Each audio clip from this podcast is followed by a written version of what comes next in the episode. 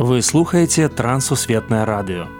У эфіры праграма урокі гісторыі. Запрашаем у падарожжа падзей, асоб і фактаў. Вучыцеся разам з намі.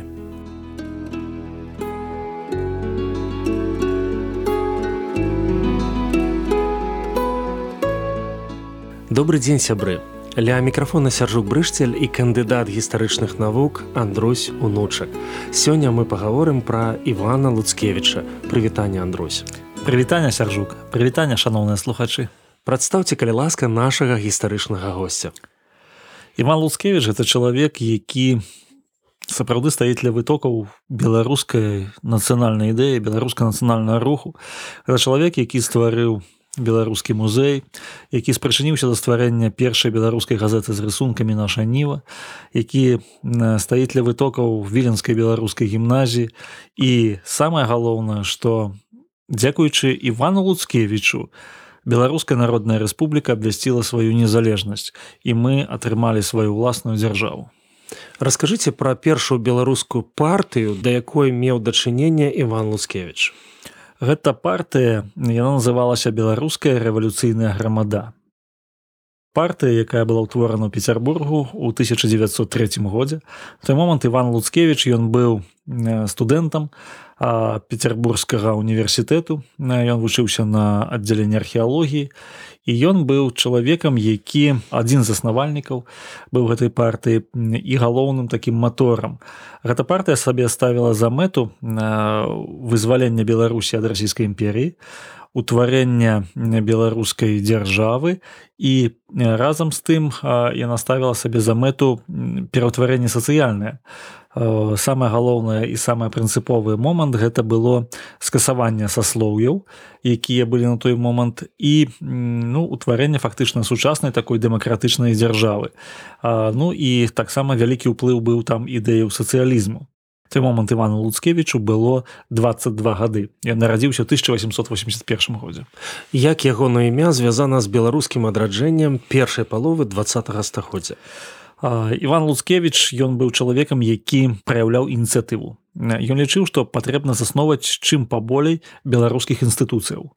газет, друкарняў, нейкіх таварыстваў, кааператываў, школаў і гэтак далей так далей.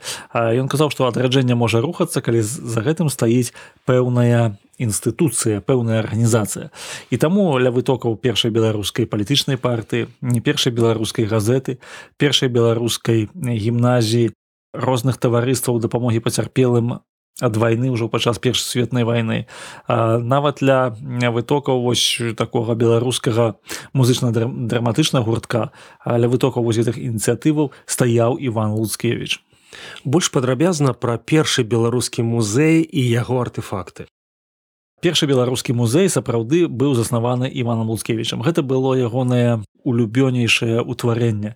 Ён збіраў артефакты пачынаючы яшчэ з дзяцінства.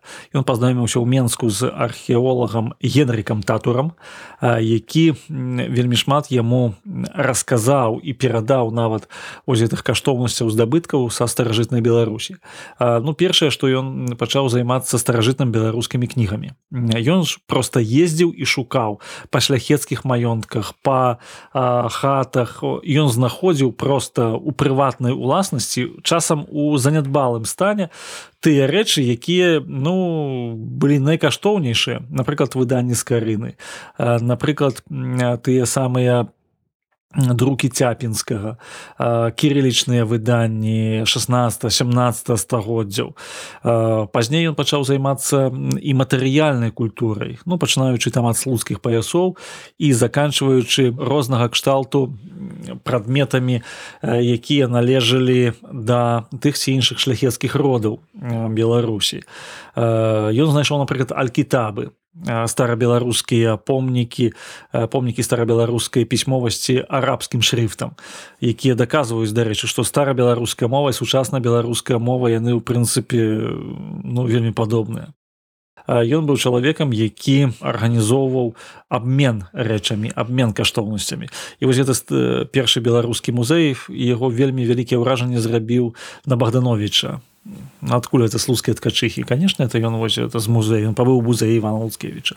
Ну і так далей А дзе сёння гэтыя артефакты?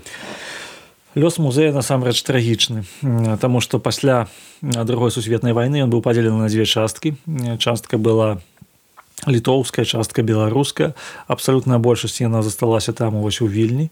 А, і яшчэ частка канешне была просто разрабаваная. А, з музея казалі што вывезлі два вазы розных э, каштоўнасцяў якія просто растварыліся сярод э, насельніцтва. Андрусь роля рэлігіі па думцы луцкевіча ў фармаванні сучаснай беларускай дзяржавы. Ён пісаў пра тое што ёсць патрэба ў нацыянальнай царкве. Нацыянальную царкву ён разумеў гэта веруючых людзей якія карыстаюцца беларускай мовай і якія працуюць дзеля таго каб Беларусь была незалежнай. Ён пісаў што напрыклад ва ўкраіне ёсць рэка-каталіцкая царква якую на той момант узначальваў мітрапаліт Андрей шаптыцкі і казаў што да царквы належаць усе людзі пачынаючы ад прафесара заканчваючы дворнікам ад магната і заканчваючы селянінам. Царква аб'ядноўвае ўсе пласты. І таму без царквы без вялікай супольнасці людзей якія жывуць усё ж не матэрыяльнымі інтарэсамі а ідэаламі духоўнымі без гэтага немагчыма адраджэння беларусі. І вось ягоная была знаёмая і нарачоная юльяна мэнкі яна была лютэранкай. Яна піша ў сваіх успамінах пра апошнія дні пра апошнія месяцы ивана луцкевича ён памёр у 1919 годзе. Яна апісваючы гэты перыяд кажа што ён быў вельмі блізка да бога.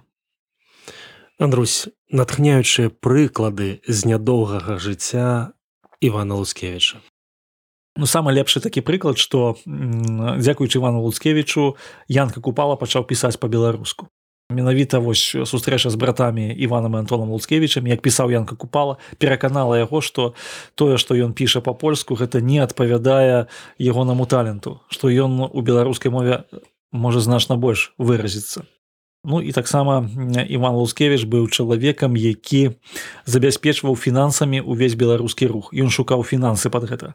Таму што каб выдаваць нашу ніву, напрыклад, трэба было бы даволі вялікая сума там на год за ўвесь перыяд яны там 40 тысяч рублёў ён знайшоў на выданне вось гэтай газеты это вялізная сума была.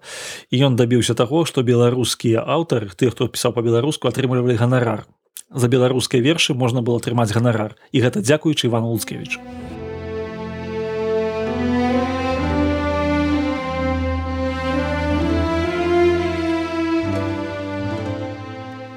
Луцкевіч фігура шматгранная. Палітычны і грамадскі дзеяч, публіцыст, археолог, краязнаўца. Іван асабліва захапляўся культурай беларускіх татар.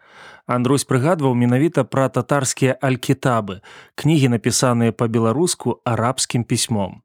Кажуць, што род Луцкевічаў нібыта меў татарскае паходжанне.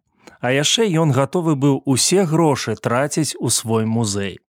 Дзякуючы братам Луцкевічам, Янка купала, дарэчы, Іван Луцевіч пачаў займацца інтэлектуальнай працай.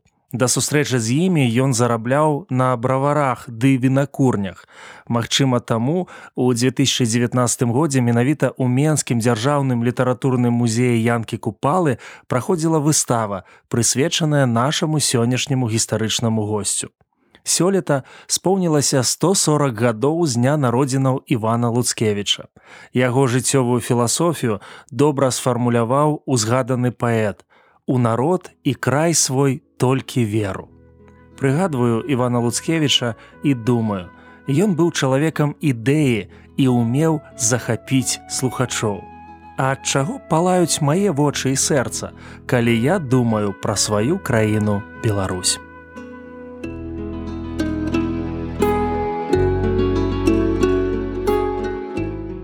Дзякую, што далучыліся да нашага праекту.